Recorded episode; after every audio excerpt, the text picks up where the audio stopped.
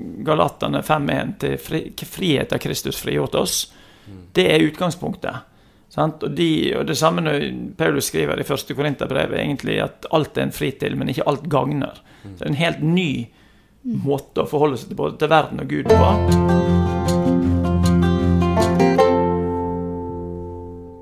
Hjertelig velkommen til Søndagspodden, søndagens tekst på en fredag. Jeg heter Andreas.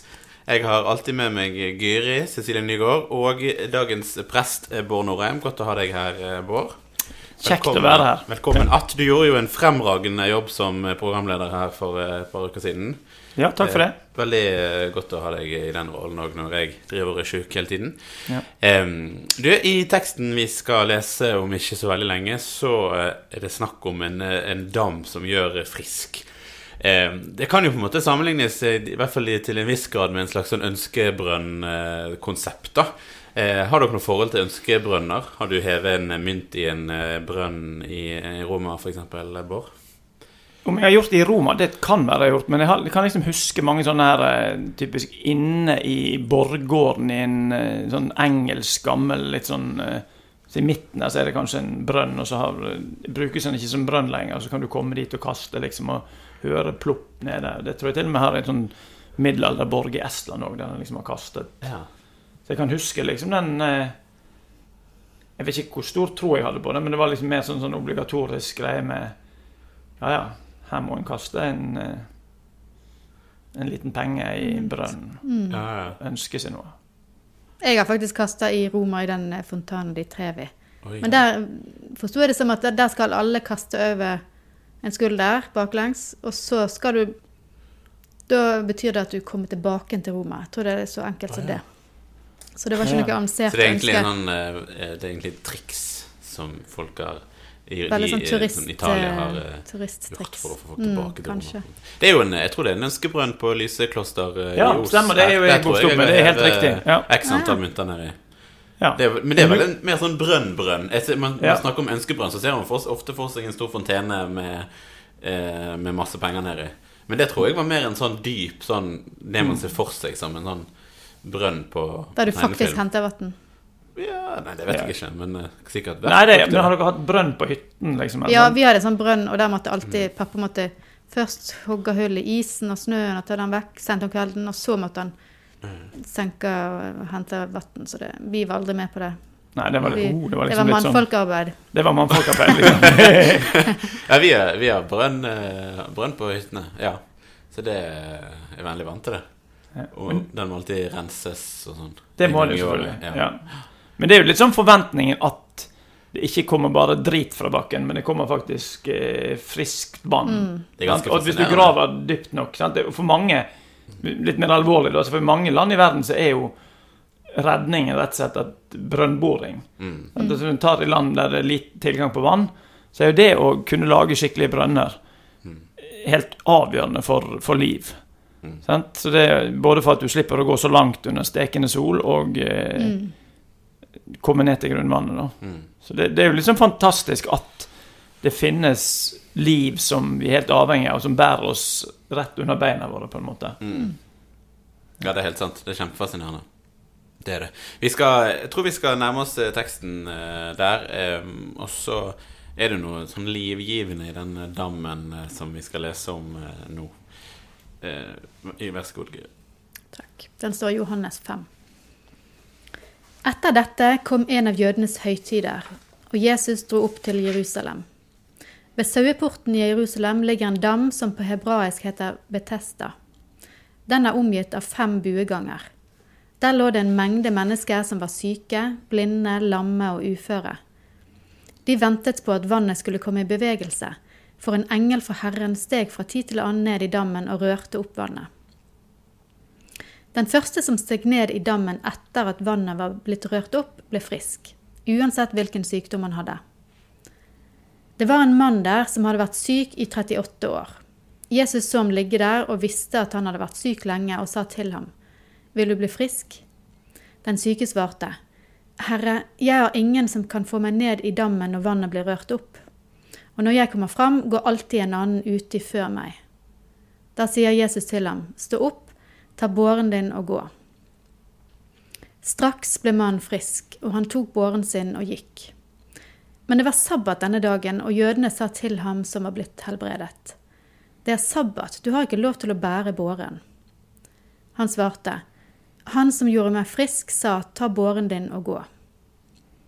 Hvem er det mennesket som sa at du skulle ta den og gå? spurte de. Han som var blitt frisk, visste ikke hvem det var, for Jesus hadde trukket seg unna, det var så mye folk der. Senere fant Jesus mannen på tempelplassen og sa til ham, Nå er du blitt frisk, synd ikke mer for at ikke noe verre skal hende deg. Mannen gikk da og fortalte jødene at det var Jesus som hadde gjort ham frisk. Eh, vi må Jeg får behov for å liksom avklare litt sånn helt sånn i starten. Eh, av og til i evangeliene så eh, er det noe som eh, Som er markert ut som noe som ikke sto eh, i de eldste håndskriftene. Mm. Eh, og her i den teksten så er det bl.a. halvparten av vers 3 og vers 4 står det at det mangler i, i de eldste håndskriftene. Hva er på en måte Hvorfor er det utelatt? Jeg ofte stiller meg spørsmål liksom, hva, er, hva er grunnen for at det eventuelt er lagt til noe? Er det for å få fram på en måte poenget bedre? Er det, eh, er det litt sånn vandrefortelling-konseptet? Eller er det, hva er det som gjør at en, noe blir eventuelt utelatt lagt til? Skal vi bare si hva som står der? Sant? Det står jo ja. om dette med mm. vannet. De ventet på at vannet skulle komme i bevegelse, og for da skulle engel fra Herren komme og røre i vannet. Og så ja. denne første første som steg ned i vannet, ble frisk. da. Mm. Det er det som var vekke. Ja. ja. Ja altså det, det, mest sannsynlige eh, er jo dette at en fortelling eh, vokser etter hvert som den blir fortalt. Vi vet jo ikke med sikkerhet hva det er som har skjedd her, men eh, at eh, noen av de som da har videreformidlet denne fortellingen, eh, har opplevd altså Har kanskje hørt altså Hvis vi skulle tenke mer sånn litt mindre kritisk, så kan vi tenke oss at de hørte fortelling fra noen andre og, og, utfylte det som den første fortelleren ikke tenkte var nødvendig å ta med, for det visste alle, f.eks.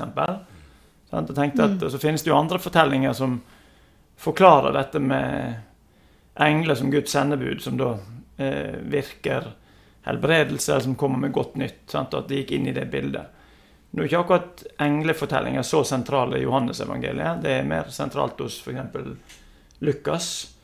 Så sånn sett er det eh, ja. Utypisk Johannes. Litt utypisk Johannes, mm. iallfall foreløpig i fortellingen. Og det kommer senere med, med, i forbindelse med oppstandelsesfortellingen, f.eks. Mm.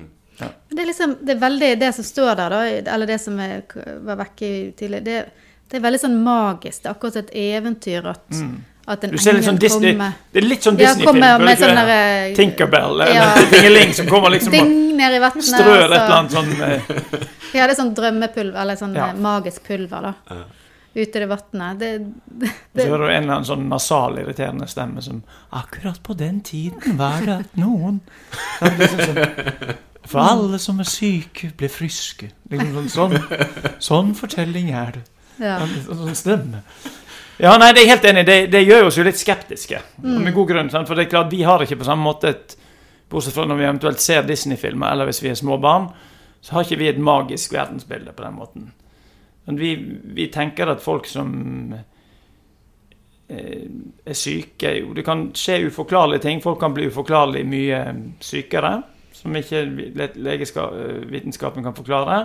Eller de kan bli raskere frisk, eller frisk på en måte som en ikke forklarer. Da hender av og til at vi på en måte det magiske finnes i the gaps, eller hullene. Men som oftest så har vi på en måte vent oss til at det finnes medisinske forklaringer på ting. Det var jo ikke vanlig på den tiden her. Uh, så derfor så uh,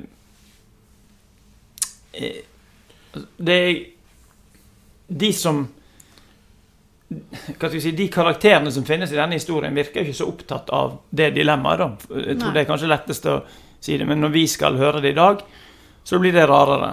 Mm. Eh, men, men, hjelper det at det kanskje ikke er helt uh, troverdig, da? Uh, altså, kan vi tenke at det viktigste var at dammen gjorde folk friske? Ja, og hvordan det, det, skjedde, det vet vi ikke helt. Det vet vi ikke helt, nei. Og det, det tenker jeg også en kan si at den forklaringen som er kommet til i senere håndskrifter er også et uttrykk for at en prøver å forklare mer sant, om dette som er kanskje ufor, litt uforklarlig. Mm. Og eh, noen veldig kritiske vil kanskje si at her er det snakk om eh,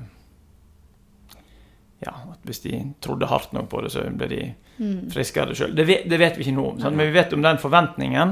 Eh, og det er sannsynlig at dette var et sted der mange Mm. syke var samlet. Eh, sant? Og, det, og det er en beskrivelse av den nøden sant? når en ikke visste altså, her, her er en som har vært syk i 38 år.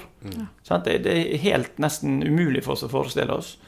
Eh, og som da har gått og ventet og ventet på at noe skulle skje. Mm. Men alltid opplevd å havne bakerst i køen. Ja. Ja, det er jo ganske sånn Det er jo veldig fint, eh, dette som Jesus gjør. Sånn, han kommer og Jeg har tenkt på denne fortellingen om denne dammen som litt sånn utrolig urettferdig. At det er bare ett menneske som får bli frisk hvert en, en gang i året. Og så er det jo på en måte de friskeste syke som blir friske først, fordi at det er de som rekker til dammen. Ja, det er sånn slag, det høres ut som et sånn darwinistisk prosjekt. At det er liksom the survival of the fittest. på en måte. Altså, Ja, hvis av de svakeste, på en ja, måte. Ja, de Ja. svake du rydder ut de svake. Men her eh, så er det klart Jesus sin inngripen er jo en fortelling om en som bryter det mønsteret, og eh, at Guds eh, helbredelse kommer til den som vil ta imot, da. Mm. Ja, Og veldig sånn enkel måte. Vil du bli frisk? ja. ja Det veldig. bare, Ja, den, den, ja takk. Mm. Ja. Og, og, og, men den svarer ikke Altså, den syke svarer jo da liksom med å fortelle fortellingen. Ja. Og, og Jesus svarer med det samme som vi kan høre i en del andre fortellinger. Det er jo på en måte det samme Jesus sier, som ble sagt også i den fortellingen i Markus 2, med disse som bryter opp taket. Og da sier han eh, også 'stå opp, ta båren din og gå'. Eh, hva er enklest å diskutere den hva er enklest å si om dine synder er tilgitt, eller men da sier han dette med 'stå opp, ta båren din og gå'. Mm. Ja. Men, men helt på slutten, eh, hvis du kan bare ta den Jeg reagerte litt på den da jeg leste den. Synd ikke mer for at ikke noe verre skal hende deg. Det, Jesus møter jo igjen De forsvinner jo fra hverandre, han og han syke mannen. Mm. Og så møtes de igjen på tempelplassen, og da sier Jesus det til han. Men jeg tenker jo at dette har vi jo sagt i alle år at det er jo ikke Det hører ikke Altså, det er jo ikke Sykdom ikke straff, liksom. ja. Eh, men, mens her ble jeg litt sånn Hæ? Hva, hva betyr egentlig det? For at ikke noe verre skal hende deg? Nei, det syns ikke jeg er helt lett å si hva det betyr. Eh, Det første jeg tror vi må si, er at for mange på den tiden så ble sykdom oppfattet som straff. Enten som et straff for noe du hadde gjort, eller som noe familien din hadde gjort. Eller, sant? eh, At det var en del av forståelsen hos antageligvis ikke alle, men hos mange. Eh, Hvis vi deler opp det Jesus sier da i to, så sier han først synd, eh, synd ikke mer. sant? Eh, akkurat det er det ikke så vanskelig å slutte seg til. Det sender jo altså, Tre kapittel senere, Johannes 8, i fortellingen om kvinnen som er grepet i ekteskapsbrudd, så er jo også fortellingen, det siste Jesus sier at hun går bort og synder ikke mer'. Det er heller ikke jeg dømmer deg, gå bort og, og synd ikke mer. Eh, og det, den oppfordringen om å leve et liv i Gud, eh, vendt til Gud, eh, som ikke da ved ikke å synde sånn at ting går i sund, som er det ordet i stykker, som er det ordet synd betyr på norsk. Det er det ikke så vanskelig å slutte seg til eller støtte, men det vanskelige er jo dette her, så ikke noe verre skal hende deg. Betyr det at Jesus tenker at sykdom er straff? Eh, Det syns ikke at denne teksten gir noe godt svar på. Vi kunne liksom prøve oss med en forklaring at så ikke noe verre skal hende deg. Ja, det handler om at du slipper å handle havne i diskusjon med folk på tempelplassen som lurer på hvem, hva som her har skjedd. Eh, det syns jeg ikke er en veldig sannsynlig forklaring. Eh, kanskje en litt bedre forklaring, eller fortolkning, er å si at synd ikke mer. Eh, for- fordi konsekvensen av synd, altså sånn som står i Romerbrevet, syndens lønn, er døden. Så hvis du prøver å ikke synde, så vil du også unngå ikke nødvendigvis den ytterste død, men dødskreftene i verden og det som bryter ned. Men jeg tror nok altså eh, Denne teksten må holdes sammen med andre fortellinger om eh, hvordan Jesus ser på helbredelse og sykdom. For akkurat her så er vi litt sånn eh, i skvis, vil jeg si, i forhold til om det går an å fortolke Jesu ord som en åpning for at sykdom også er straff, selv om jeg tenker at det eh, Det er ikke det vi forkynner i dag, eller i hvert fall ikke i, i de kirkelige sammenhengene vi står, selv om det nok finnes sånn i noen andre sammenhenger, dessverre. Ja. Mm. Ja, nei, det er, det er som du sier, det er vanskelig å, å, å gi helt sånn klare svar på, kanskje, akkurat i, i, denne, i denne sammenhengen. Men det er jo lett, synd ikke mer lett på en måte å Mm. støtte. altså Hva betyr det? Så ikke noe verre. mm, Verre enn hva? mm, Det er jo spørsmålet verre enn det å være syk i 38 år, verre enn det å diskutere med mm, eh, noen petimeter på Tempelplassen, eller verre enn eh, sant? Altså det, Eller en generell advarsel mot at syndens konsekvenser kan være voldsomme. mm. Sant? Eh, At det er mer en sånn oppfordring til å leve et gudfryktig liv, da. mm. eh, Som ville være mer forståelig. Ja. Hvis vi, vi skal gå litt, eh, litt tilbake igjen Vi hadde jo eh, Forrige uke så snakket vi òg en del om sabbaten, og her er jo sabbaten ganske relevant eh, eh, også. Det var en, en helbredelsestekst, dette her òg, med, med en mann som, som bærer båren sin på sabbaten. Eh, og det reagerer de på, da. At denne mannen som blir frisk, tar båren sin og går på sabbaten. Det er jo eh, ganske sånn eh, eh, Det er jo ekstremt at det det ikke er lov å bære båren sin på sabbaten. Ja, altså det, det virker jo ekstremt for oss. Sant? Eh, jeg tror de som sier det, tenkte at de skulle verne om det gode. Og beskytte liksom sabbaten som på en måte diamanten i, i, i fromhetslivet. Sant? Der du kommer tilbake igjen til Gud ved å søke absolutt hvile. Finne deg sjøl som skapte Gud. Så det er jo liksom på en måte eh, kunne si det er en verden om en, i en viss forstand en fortelling om nåde. da om hvile i Gud. Men når vi hører det nå, så høres det jo bare ut som regelrytteri. Sant? Altså, og der du kommer til det punktet der reglene blir viktigere enn formålet med den dagen. Hvis vi skulle prøve seg med en litt sånn dristig sammenligning, så er det jo litt de utfordringene vi kommer når vi har vært i en veldig regelstyrt pandemi, der vi har trodd at det som skal redde oss, er liksom å å, er det sju stykker hjemme? Er du helt gal? Det er bare fem nå. Sant? Å nei, det var ti. Jeg har ikke fått med meg de siste reglene. Sant? Altså, eller Går du med munnbind der? Ja, nå er det lov å gå med munnbind her, tror jeg. Nei. Sant? Altså, vi har fått veldig mange sånne detaljerte ting, og vi tror på en måte at så lenge vi eh, jeg gjør noe sånn som eh, myndighetene sier, så satser vi på at det går bra. Det er en del som sier sant? Og det holder jo til et visst punkt, men, men jeg tenker at det som voksne mennesker så må vi liksom søke den modne vurderingen som ligger der utøve skjønn, da. Eh, og Da handler det selvfølgelig ikke bare til hensyn til seg sjøl, men til hensyn til både situasjonen og til andre. Men kanskje det viktigste er å verne om at kristendommen er en frihetsreligion. Altså det er en t- eh, det, det, er ikke et re, det er ikke en regelreligion, først og fremst. Altså når vi Galatane 5.1 til fri, frihet av Kristus frigjort oss, det er utgangspunktet.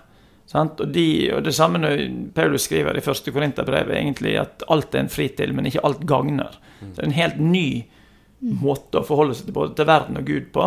Det er At- ansvarliggjør oss litt mer. Nettopp. Nettopp. sant? Eh, at vi er Vi nyter enorm frihet.